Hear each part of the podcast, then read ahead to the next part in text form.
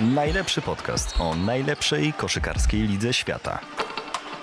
Explain the NBA.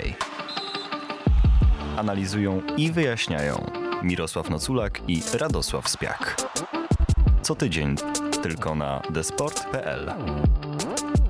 Tak jest. Zaczynamy drugi odcinek y, naszego podcastu w drugim sezonie Explain the NBA. Witaj Mirosławie. Witaj. Nieco ponad tydzień sezonu zasadniczego za nami. Jak ci się podobało te 7 dni, zarówno jako obserwatorowi, jak i komentatorowi? Ja uwielbiam NBA, więc nie może być innych ocen i nie, i nie jestem malkontentem. W związku z tym e, podobało mi się bardzo. To, co widziałem, było bardzo dobre, ale też, e, też są pewne rozczarowania, e, jeżeli chodzi o niektóre zespoły. I o tych rozczarowaniach też będziemy rozmawiali i to już za chwilę. Natomiast zanim to zrobimy, to przypomnę, że e, mamy teraz partnera naszego podcastu. I tym partnerem jest wydawnictwo książkowe SQN i księgarnia Labotiga. I zadając nam pytania na Twitterze, możecie uzyskać książki od wydawnictwa SQN. Ostatnio e, ktoś mnie zapytał, jakie to są książki, bo w pierwszym odcinku naszego podcastu nie wymieniłem. No więc spieszę z uzupełnieniem informacji, że to są książki na przykład. E, obie książki książki Phila Jacksona, to znaczy ostatni sezon legendarnej drużyny Lakers i 11 pierścieni. Książka o Shaquilu O'Nealu, o Los Angeles Lakers, o Scottie Pippenie, Dream Team, Dennis Rodman, Janis i książka o bardzo wdzięcznym tytule Oglądaj koszykówkę jak geniusz. My się wprawdzie z Mirosławem za geniuszy nie uważamy, ale skoro słuchacie tego podcastu, to wychodzimy z założenia, że chcecie wiedzieć, co mamy do powiedzenia. W związku z tym jeszcze przypomnienie do dwóch osób, których pytania wybraliśmy do pierwszego odcinka. Adrian Adrian i Miro, pamiętajcie, żeby się zgłosić w wiadomości prywatnej do desport.pl na Twitterze, bo w taki właśnie sposób możecie ustalić, jakie książki otrzymacie i w jaki sposób je otrzymacie. E, Mirosław wspomniał o rozczarowaniach, bo to jest pierwszy punkt w naszym subiektywnym przeglądzie tygodnia, to znaczy pozytywne zaskoczenia i e, rozczarowania. Skoro zacząłeś o rozczarowaniach, no to kto cię rozczarował przede wszystkim? Mnie rozczarowało Miami Heat, ponieważ ja jestem wielkim, e, może nie wielkim, ale, ale lubię bardzo mm, robotę trenerską Spolstry. I Eric Spolstra jest dla mnie takim trenerem, którego, którego lubię obserwować i jego pomysły mi się podobają. Natomiast początek e, Miami Heat, bądź co bądź finalistę konferencji wschodu w ubiegłym sezonie, na razie zaczął, zaczęli słabo, 1-3. I to jest, e, to są, e, to, to jest zaskoczenie i minus. I co ciekawe, E, oni w przedsezonowych grach e, pięciu mieli cztery zwycięstwa. A teraz w czterech grach e, rundy zasadniczej, początku rozgrywek, mają trzy, trzy, trzy porażki, jedno zwycięstwo. Zatem to się potwierdza i w tym przypadku potwierdza się, że te, nie można za bardzo się opierać w ocenie zespołu na przedsezonowych grach.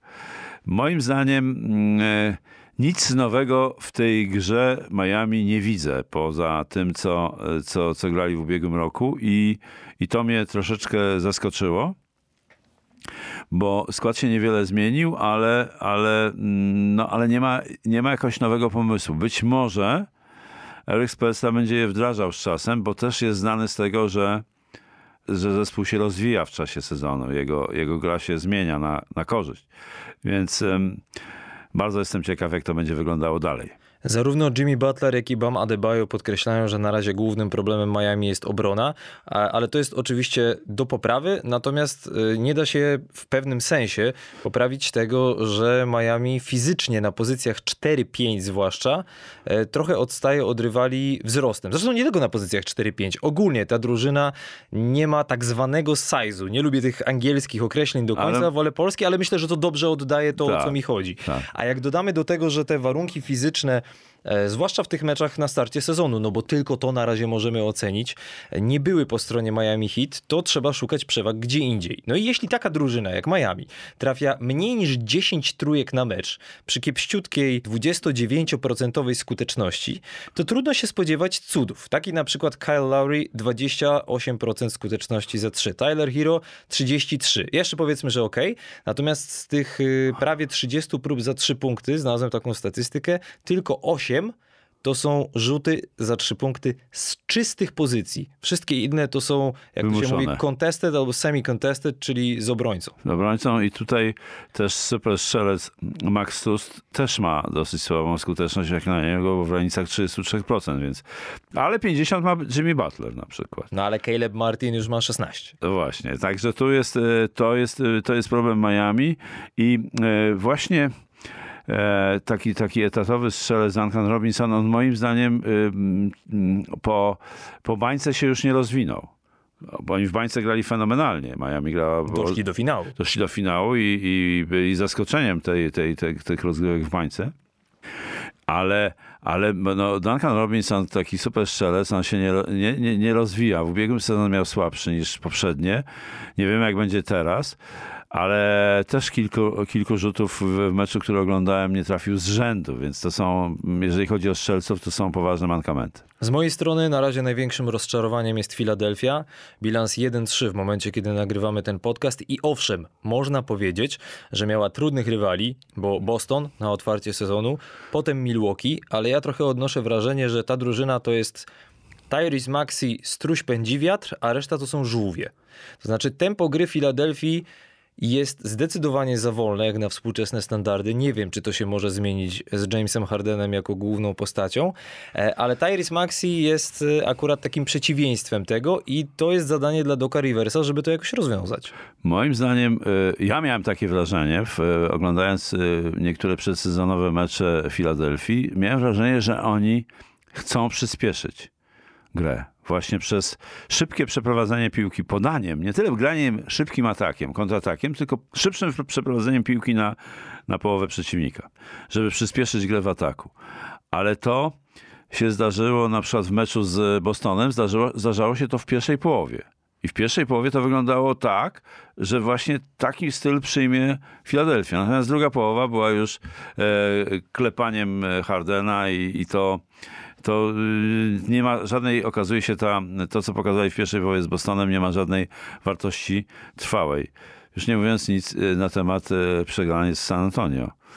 No tak, to jest zupełnie to jeszcze temat, inna, inna tak. para kaloszy, Tak. ale ponieważ ta przegrana i z Milwaukee, i z San Antonio obie miały miejsce w domu w Filadelfii, to dało się słyszeć buczenie z trybun, no bo nie da Tak. się ukryć, że kto jak kto, ale kibice w Filadelfii to akurat do zbyt cierpliwych nie należą.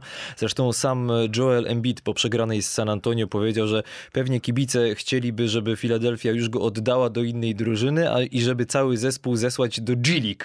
To tak oczywiście pół żartem, No tak. pół serio, ale trzeba przyznać, że Joel Embiid na razie wygląda dość kiepsko. Na przykład w drugiej połowie meczu przeciwko Milwaukee w ogóle nie zdobył punktu. Miał skuteczność 6 na 21 z gry. E, Miał e, całkiem niezłą skuteczność za 3 jak na środkowego w zeszłym sezonie. Przeciwko Bostonowi miał 1 na 6 i owszem, e, Doc Rivers ostatecznie przyznał, że w przerwie międzysezonowej Joel Embiid miał zapalenie powięzi podeszwy i że tak do końca nie mógł chodzić. Tylko, że jak stawiasz na takiego człowieka, ty wspomniałeś Mirosławie o tym tydzień temu, te wysokie numery w drafcie, wysocy zawodnicy, Tak. którzy mieli problemy z kontuzjami. Embiid stracił dwa pierwsze swoje sezony, tak de facto w NBA.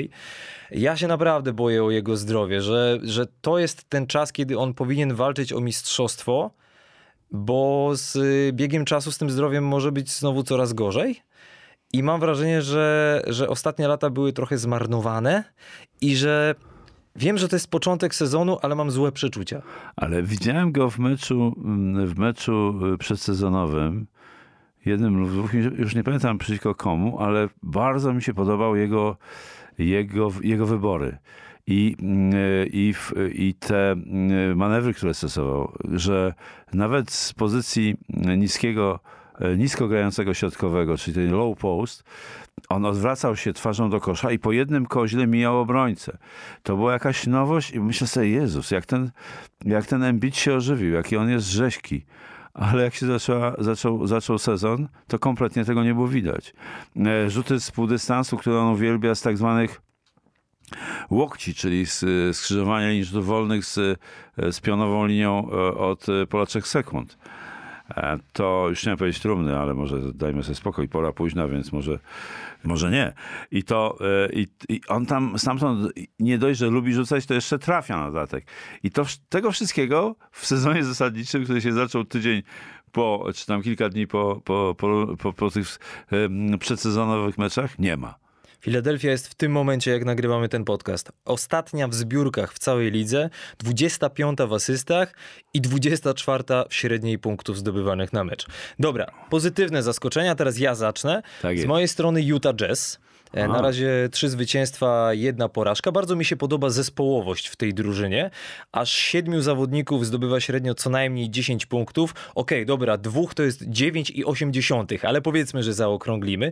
Nie ma tutaj absolutnie żadnej supergwiazdy. Wydawało się, że po odejściu Donowana Michela i Rudiego Goberta to będzie oczywiście proces przebudowy, natomiast chyba mało kto się spodziewał, że już na starcie sezonu będą trzy zwycięstwa z rzędu. Bogdanowicz jeszcze odszedł. I jeszcze Bojan Bogdanowicz odszedł, oczywiście.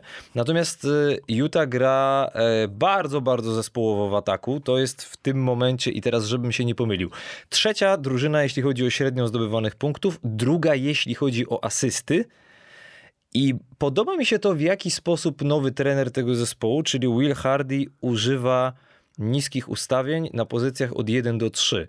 Jak był mecz otwarcia sezonu z Denver, który to mecz Utah wygrało, w drugiej kwarcie, o ile dobrze pamiętam, było takie ustawienie Mike Conley, Malik Beasley, e, Taylor Horton Tucker.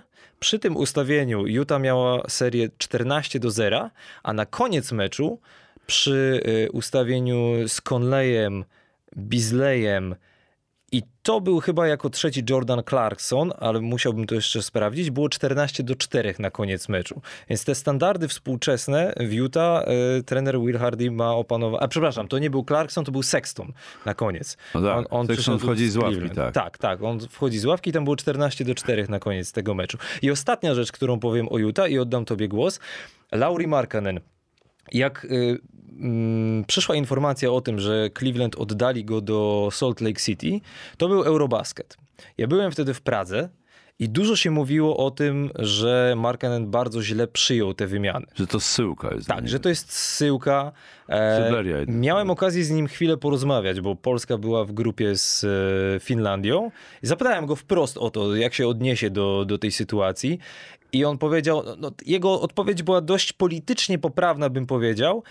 Natomiast jak patrzyłem na niego, to widziałem w jego oczach takie, przepraszam, no wkurwienie, że z fajnej drużyny, która się budowała w Cleveland, U. gdzie on miał rolę na pozycji numer 3, tutaj, pomijam to, że w tym momencie wygrywają, tutaj musi grać czasami nawet na pozycji numer 5. tak. Bo przy tym ustawieniu na koniec meczu z Denver, o którym mówiłem, to na czwórce był Rudy Gay, a Markanen był na piątce. Ale radzi sobie.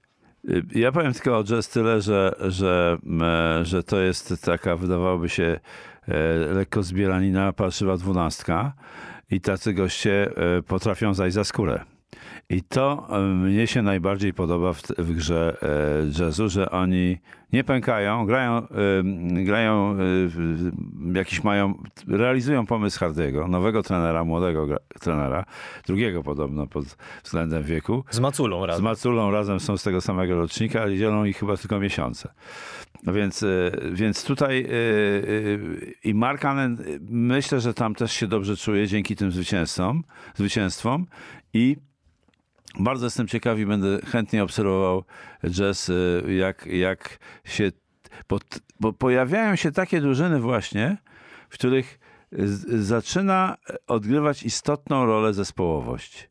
Że to są takie nie do końca dosłowne kopie Golden State z początku sezonu ubiegłego i z finałów, gdzie zespołowość y, Golden State była na najwyższej próby. Ja tylko jeszcze dodam, że z jednej strony trochę szkoda mi tego rozbicia tercetu wysokich z Cleveland, Markanen, Mobley i Allen, e, ale może Lauri Markanen mimo wszystko w Utah się odnajdzie, na razie się odnajduje, a jego drużyna jest dla mnie pozytywnym zaskoczeniem, a dla ciebie kto? Sexton jeszcze dokończę. Sexton też y, y, odszedł z Cleveland. Odeszło dwóch graczy z Cleveland bardzo W ważnych. tej wymianie za Michela. z wymianie za Michela i Sexton też chce pokazać, że to był błąd Cleveland. Moim zdaniem. Bo to jest koleś z charakterem. Yy, No, a moje e, najprzyjemniejsze, że tak powiem, zaskoczenie Portland. 4 do 0 bilans na starcie sezonu, w momencie, gdy nagrywamy ten podcast. 4 do 0. Mało tego, oni właśnie To jest dla mnie naj, naj, naj, naj, jedna z najciekawszych rzeczy, która, y, która y, przeobrażenie Portland z on trwa już jakiś czas, z ewidentnego lidera Lillarda, takiego, który wszystko e, chciał e, załatwiać swoją grą, w człowieka, który staje się zawodnikiem zespołu, to już trwa kilka lat, 3-4 lata. Ja nie mogłem patrzeć na Lillarda kilka lat temu, bo to po prostu egoista zwykły.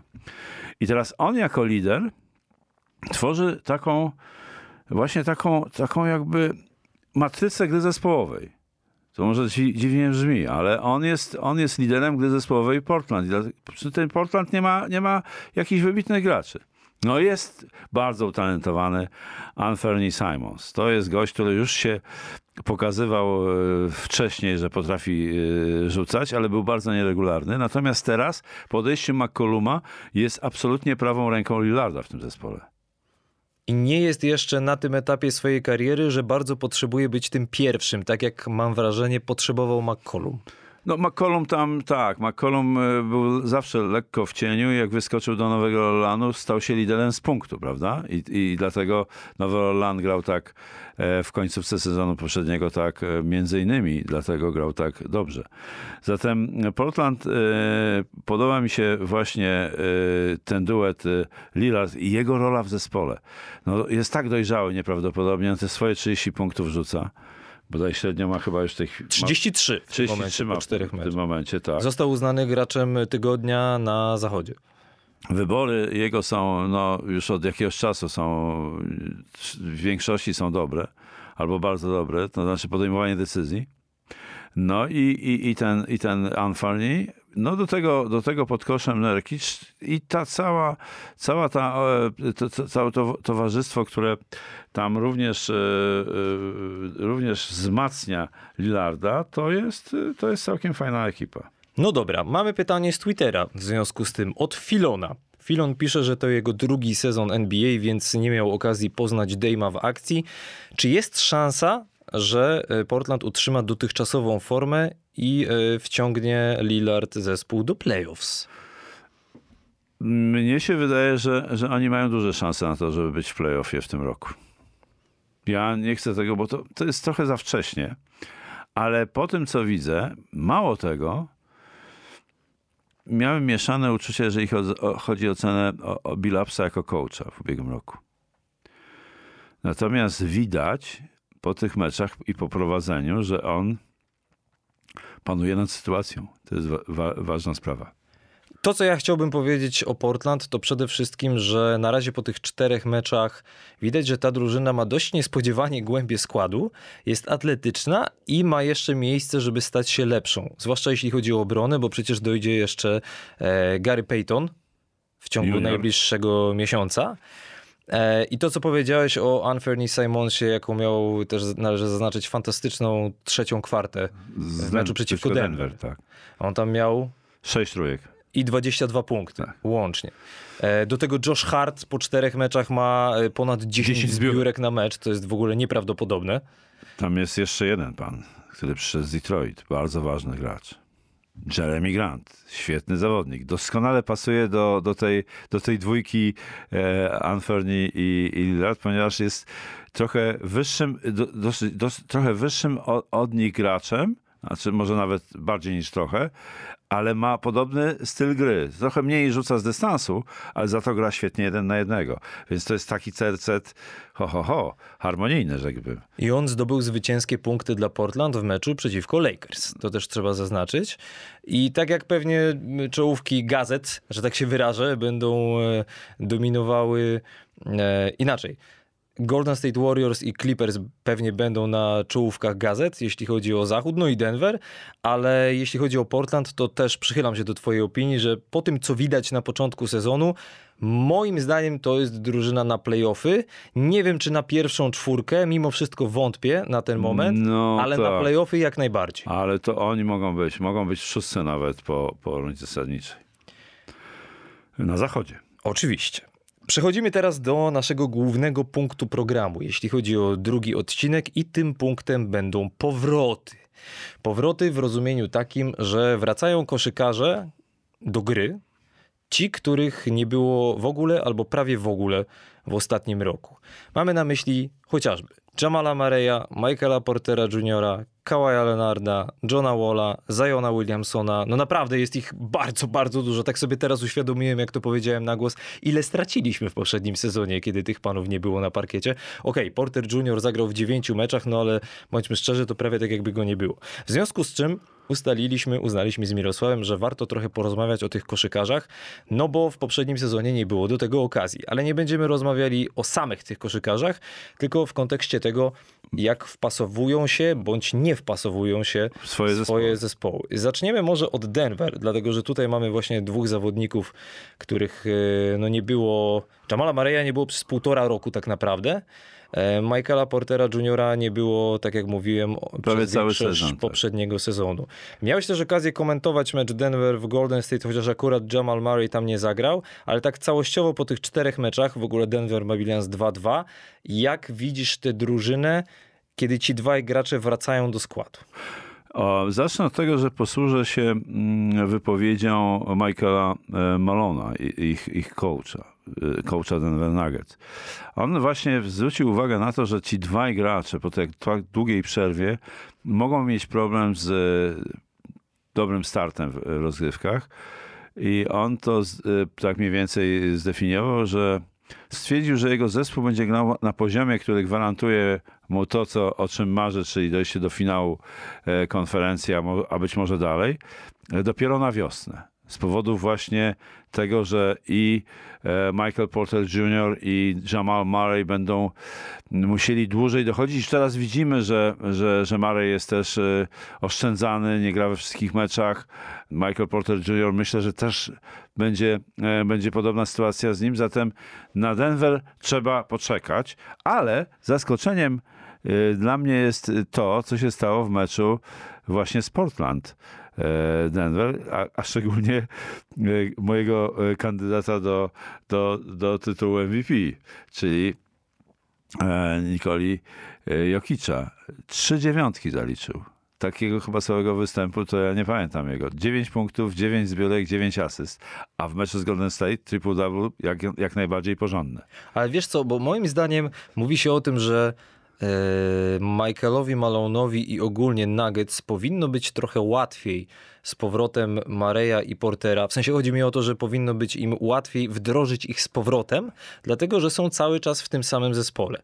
Ale to tak do końca chyba jednak nie jest prawda, bo ten zespół jest mocno przebudowany. Przecież tam przyszli Kentavious Caldwell-Pope, Bruce Brown, DeAndre Jordan, e, jest, no Ish Smith może gra niewiele, jest nowy, e, nowy debiutant Christian Brown, który swoją tak. drogą gra całkiem nieźle.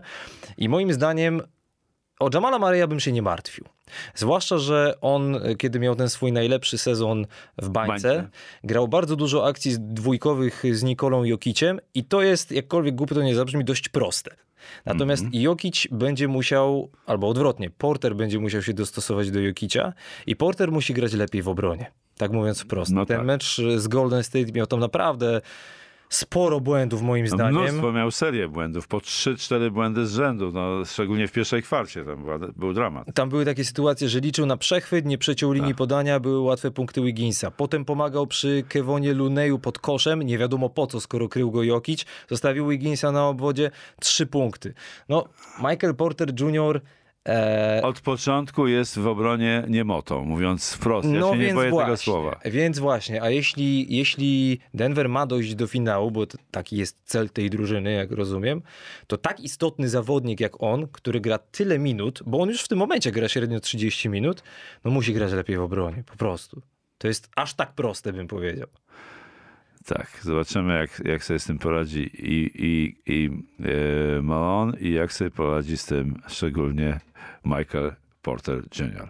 Dwóch zawodników też wraca po roku nieobecności do Clippers. To znaczy, jeden był w Clippers wcześniej, drugi teraz do nich doszedł. Mowa oczywiście o Kawaju Leonardzie i Johnie Wallu. Przy czym Kawhi Leonard akurat w momencie, kiedy nagrywamy te słowa, niestety y, znowu jest wyłączony A. z gry. Nie grał w ostatnim meczu Clippers przeciwko Oklahoma City Thunder, meczu przegranym 94 do 108. Tam zresztą nie grał też Marcus Morris, natomiast trener Tyron Lu zaznacza, że e, no nie ma co się spieszyć i absolutnie mu się nie dziwię.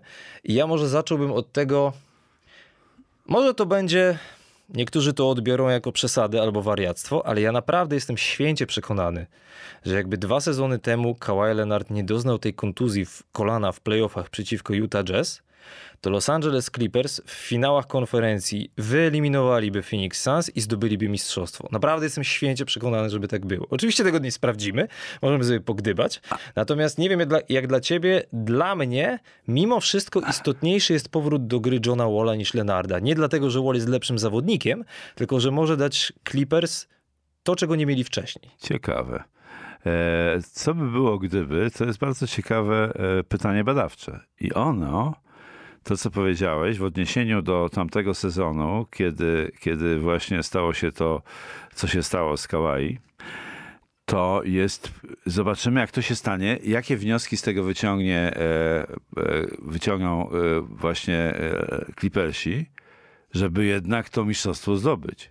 Wzmacniając się, znaczy wzmacniając się powrotami, w cudzysłowie właśnie Lenarda, no i, i zaciągając Johna Walla. John Wall to jest zawodnik, który mnie notorycznie wkurzał wtedy, kiedy grał w Washington z e, Bradleyem Billem. z Bradleyem Billem i korzystał z zasłon e, mm, Marcina Gortata. Wielu, wielu zawodników cię wkurza chyba. e, nie aż tak Wiggins wielu- cię wkurzał w Minnesocie, Lillard tak, cię no, wkurzał bo w miałem, Portland. Całą listę miałem takich, którzy, którzy mnie, mnie wkurzali, bo spodziewałem się po nich znacznie więcej, bo Okej, widziałem oczekiwania. Wiesz, okej. widziałem potencjał w tych, w tych gościach, którego nie realizowali. I to mnie wkurzało może najbardziej. Nie oni sami, tylko to, że oni nie, Rozumiem. nie potrafili e, tego odpowiednio sprzedać, mówiąc tak potocznie. I teraz John Wall fantastycznie korzystał z zasłon y, Gotata, ale jego wybory były koszmarne. Często, często, tak 50 na 50 dobre ze złymi mieszał i zawsze się zastanawiałem, jak on to robi, że wpada na takie głupie pomysły. Nie znam odpowiedzi do dzisiaj, natomiast wydaje mi się, że w tej chwili jest trochę bardziej dojrzałym graczem niż wówczas. Przeszedł wiele rzeczy w swoim życiu, które może go naprowadziły mentalnie na, inny, na, inną, na inną drogę. I też jestem ciekaw, jak on y, wkomponuje się w tę ekipę, bo tam jest, tam może być lekki konflikt z Reggie Jacksonem. I właśnie o tym chciałem powiedzieć. Znaczy, widzisz, konflikt jak zau- konflikt, No, ale... ale coś tam może nie grać. I- Coś tam może być nie, e, a, e, trochę poza rytmem, że tak powiem. Bo na przykład w pierwszym meczu sezonu, to znaczy w pierwszym meczu sezonu dla Clippers, to były derby Los Angeles z No, słuchaj, Lakers. Reggie Jackson ma w tej chwili średnią punktów 7-8. No jak Był na liderem, niego... A był liderem tego zespołu w poprzednim sezonie. I on się obok Pola George'a, powiedzmy. Paul Paula George'a, ale wiesz, ale to było dwóch tam najbardziej I, I Jackson też się poczuł bardzo pewnie w poprzednim bardzo, sezonie. bardzo. Tak się, jak, to, jak młodzież czasami mawia, że się woził. E, w tym Nawet było widać, myślę, jak, że, ma, jak bardzo ma za, było nawet widać, jak bardzo ma zadarty nos no, momentami. O, to jest dobre określenie. I na przykład ten nos musiał trochę schować w pierwszym meczu sezonu, bo na samym końcu to nie Reggie Jackson był na boisku, jak była wyrównana końcówka, tylko właśnie John Wall. Trafił ważny rzut z półdystansu na plus 6. Ostatecznie Clippers, te derby Los Angeles z Lakers wygrali 103 do 97. To był pierwszy mecz Johna Walla po 545 dniach. Już nie będziemy przypominali tych historii rodzinnych, tych problemów mentalnych. Myślę, że No, ale to- e, jak, to- jak mówiliśmy, interesujecie się trochę NBA, to, to wiecie o co chodzi. Zresztą to zawsze można znaleźć e, w internecie. No wiesz, Reggie'ego Jacksona zawsze można wytransferować, jakby co. E, John Wall ma przeogromny kontrakt i jeśli jest zmotywowany i co ważne, ma obok siebie ważniejszego gracza od siebie, takiego jak Kawhi Leonarda, to mam wrażenie, że on będzie umiał się dostosować. Bo jak był w Waszyngtonie i dość krótko w Houston, to wiadomo, że tam był centralną postacią tej drużyny. On moim zdaniem będzie zyskiwał na tym, że nie będzie centralną postacią tej drużyny. No by tak było. Zwłaszcza, że on daje Clippers panowanie nad piłką, mimo wszystko szybkość, No nie, może nie jest już tak szybki jak kiedyś, ale e, no też te jego wejścia pod kosz powodują, że obrona się, jak to się zwykło określać, zapada, schodzi do środka, wtedy jest miejsce dla shooterów, a tutaj Luke Kennard najlepszy w całej lidze w poprzednim sezonie, jeśli chodzi o skuteczność rzutów za trzy punkty, więc jeśli tylko wszyscy będą zdrowi, to ja widzę sporo dobrej przyszłości w tym sezonie przed Los Angeles Clippers. Tak bym, tak bym to ujął. Ale trzeba poczekać cierpliwie, dlatego No. że, że, że sprawa e, z Lenardem e, moim zdaniem de- decydować będzie stan zdrowia głównych zawodników, łącznie z e, Wallem, ale przede wszystkim Paula Georgia i głównie Lenarda. Jeszcze jeden bardzo istotny pan wraca do gry po ponad roku nieobecności. Zion Williamson i jego New Orleans Pelicans. Na ich temat mamy pytanie od Damiana Podawcy. Początek sezonu poza pechowym meczem z Jazz e, wyglądali bardzo dobrze. Fajna współpraca Ziona, CJ'a i Ingrama przy bliskiej dużej formy u Valanciunasa. Czy na dzisiaj, zakładając zdrowego Ziona, Pelicans mogą realnie myśleć o top 4 na zachodzie? Lubię takie sprecyzowane pytania. Realnie myśleć i zakładając zdrowie. No to jest y, dobre pytanie, aczkolwiek odpowiedź jest y, trudna, dlatego że konkurencja jest spora, a e, problemy ze zdrowiem e, Zajona Williamsona już się zaczęły. Już. Ale to akurat ze względu na upadek. To miał upadek na, na stół biodro, no to, są, to, to była sytuacja, w której, w której e, no, nie spodziewał się takiego, takiego ataku z tyłu.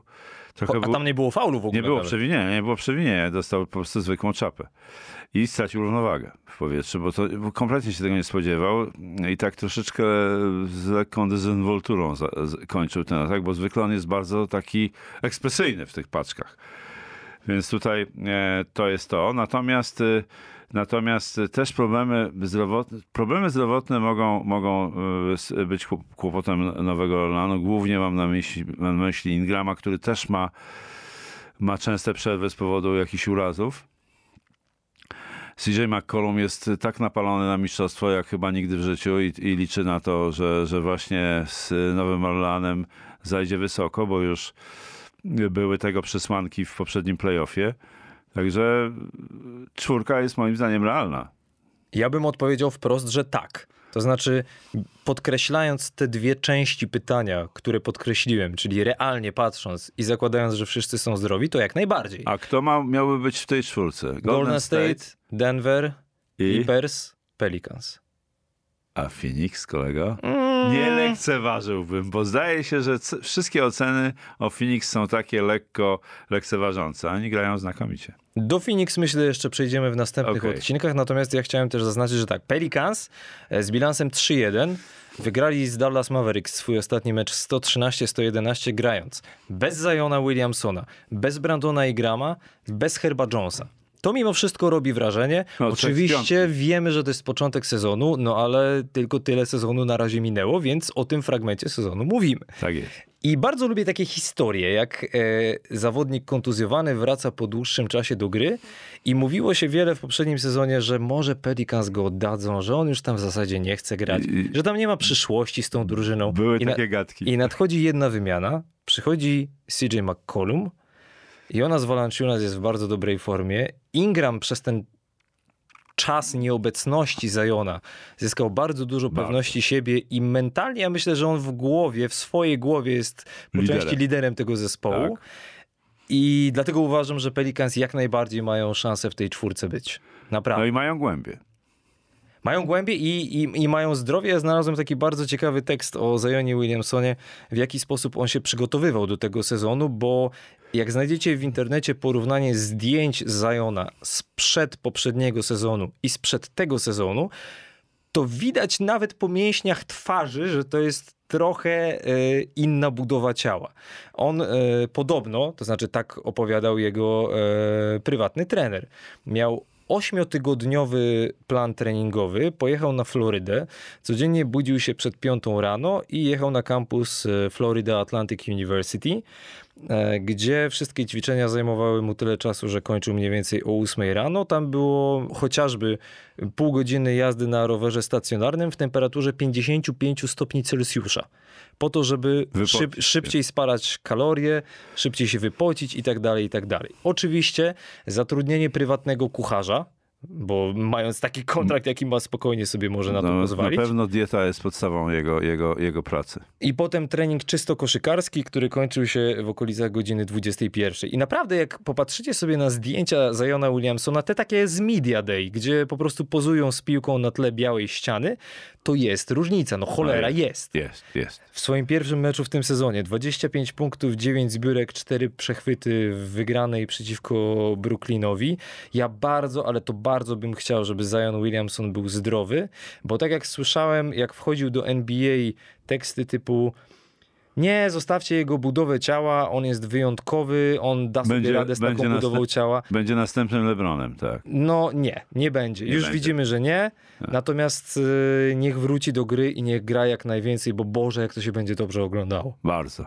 O, e, Pelicans e, byli już do oglądania naprawdę w playoffach e, w poprzednim sezonie i to było, było na co popatrzeć. Jest jeszcze jeden zawodnik, który w ogóle nie grał w poprzednim sezonie. Ben Simmons, ale o nim w przeciwieństwie do poprzednich dużo mówiliśmy w poprzednim sezonie, więc nie będziemy się nim teraz zajmowali, ale obiecujemy, że do Brooklynu na pewno jeszcze wrócimy. Zamiast rozmawiać o Benie Simonsie, wolimy jeszcze trochę porozmawiać o Jeremim Sochanie. W ostatnim fragmencie, segmencie naszego podcastu co tu dużo mówić? Jeremy Sohan na razie zagrał w czterech meczach. San Antonio ku zaskoczeniu wszystkich. Mają w tych czterech meczach trzy zwycięstwa. Analizowaliśmy trochę, zastanawialiśmy się tydzień temu, jak może wyglądać jego gra w NBA, więc mamy pierwszą niewielką próbkę do analizy. Co widziałeś, Mirosławie? No, widziałem e, dwóch różnych e, Jeremy Sochanów. W meczu, w którym, e, którym go Greg Popowicz zdjął przeciwko Filadelfii, kiedy puścił dwa razy w obronie beznadziejnie, nie, nie kryjąc do linii końcowej, no w sposób, który no, nie przystoi graczo, graczowi z NBA z aspiracjami. Raz Maxeya i był faul, i raz Tobiasa Harrisa i Tak. były punkty. Tak, i tutaj, e, tutaj Greg Popowicz zdjął go z boiska, bo wydaje mi się, że Greg Popowicz wp- wprowadzając m, e, Jeremiego do, do pierwszej piątki, m, stawiał mu głównie zadania, w, wiedząc jakie ma możliwości w ataku, głównie zadania w obronie. I, I z tego miał się wywiązać Jeremy Sochan najlepiej jak potrafi. I w tym meczu z Filadelfią zrobił to beznadziejnie i Zagrał tylko 10 minut. Zagrał w związku z tym tylko 10 minut i pamiętam taką, taki najazd, y, strzał na, na, na ławkę po meczu właśnie w Filadelfii, y, na ławkę San Antonio i w drugim planie minę y, Jeremiego Sochana, takie, takie dziecko, które wie, że zrobiło coś złego i miał taką minę, wzruszyłem się, jak zobaczyłem tę minę Jeremiego Sochana, takiego, takiego chłopczyka, który narozrabiał i jest mu bardzo przykro. To odnośnie Filadelfii, bo jeszcze jest druga strona medalu.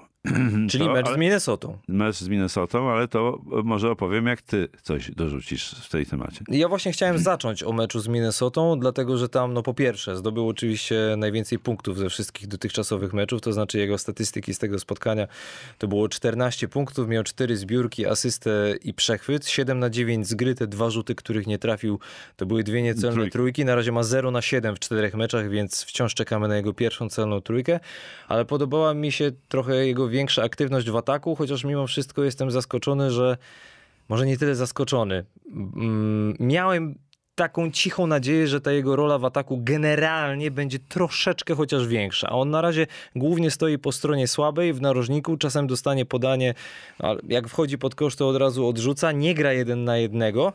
Poza e, może jedną próbą w Filadelfii, która nie była udana.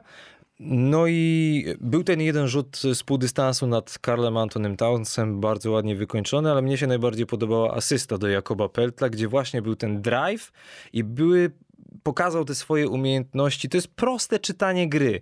Dlatego nie, nie chodzi mi o to, o czym rozmawialiśmy tydzień temu, czy Jeremy Sohan może być rozgrywającym, ale właśnie graczem, który na tyle angażuje obronę rywala, że przy minięciu jest w stanie swoją inteligencją zna- znaleźć niekrytych kolegów, tak jak wtedy znalazł Jakuba Peltla. I teraz jest pytanie, bo on pokazał y, y, dużo większą aktywność w ataku w tym meczu właśnie z Minnesotą.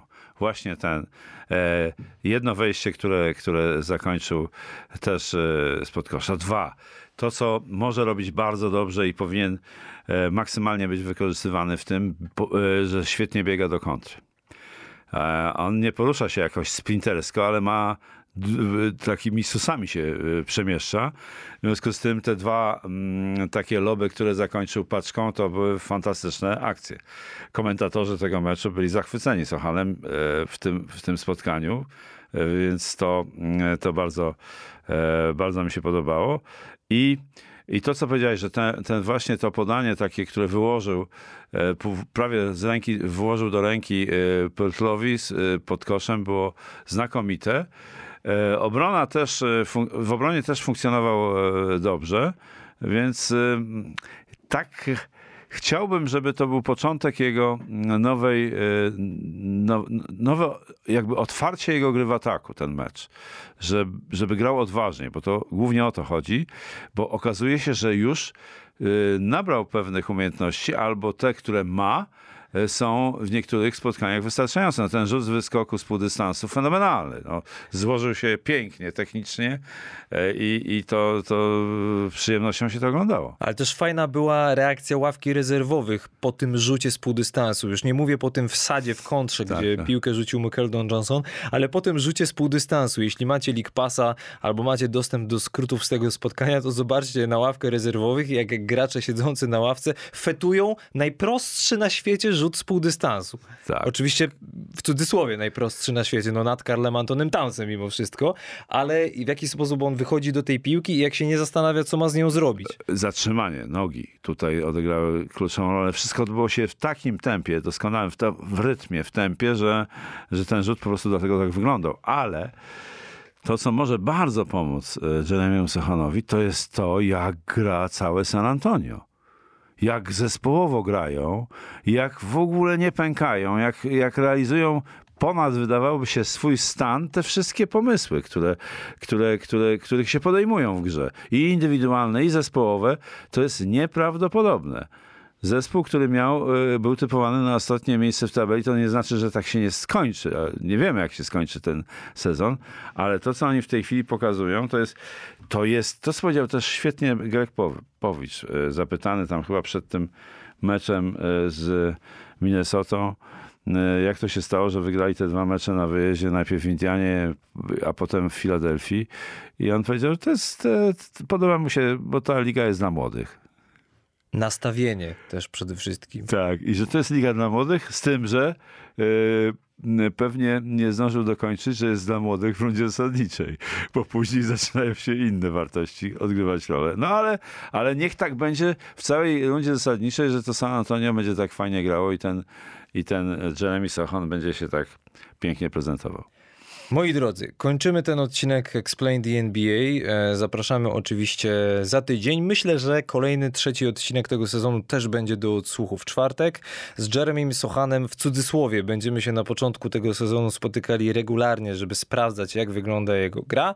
Natomiast e, ważna informacja dla Filona i Damiana. Zgłoście się w wiadomości prywatnej do desport.pl, to dostaniecie książki od wydawnictwa SQN i księgarni Labotiga. Czas nas goni, więc musimy kończyć ten odcinek, ale oczywiście słyszymy się za tydzień, także do usłyszenia. Do usłyszenia.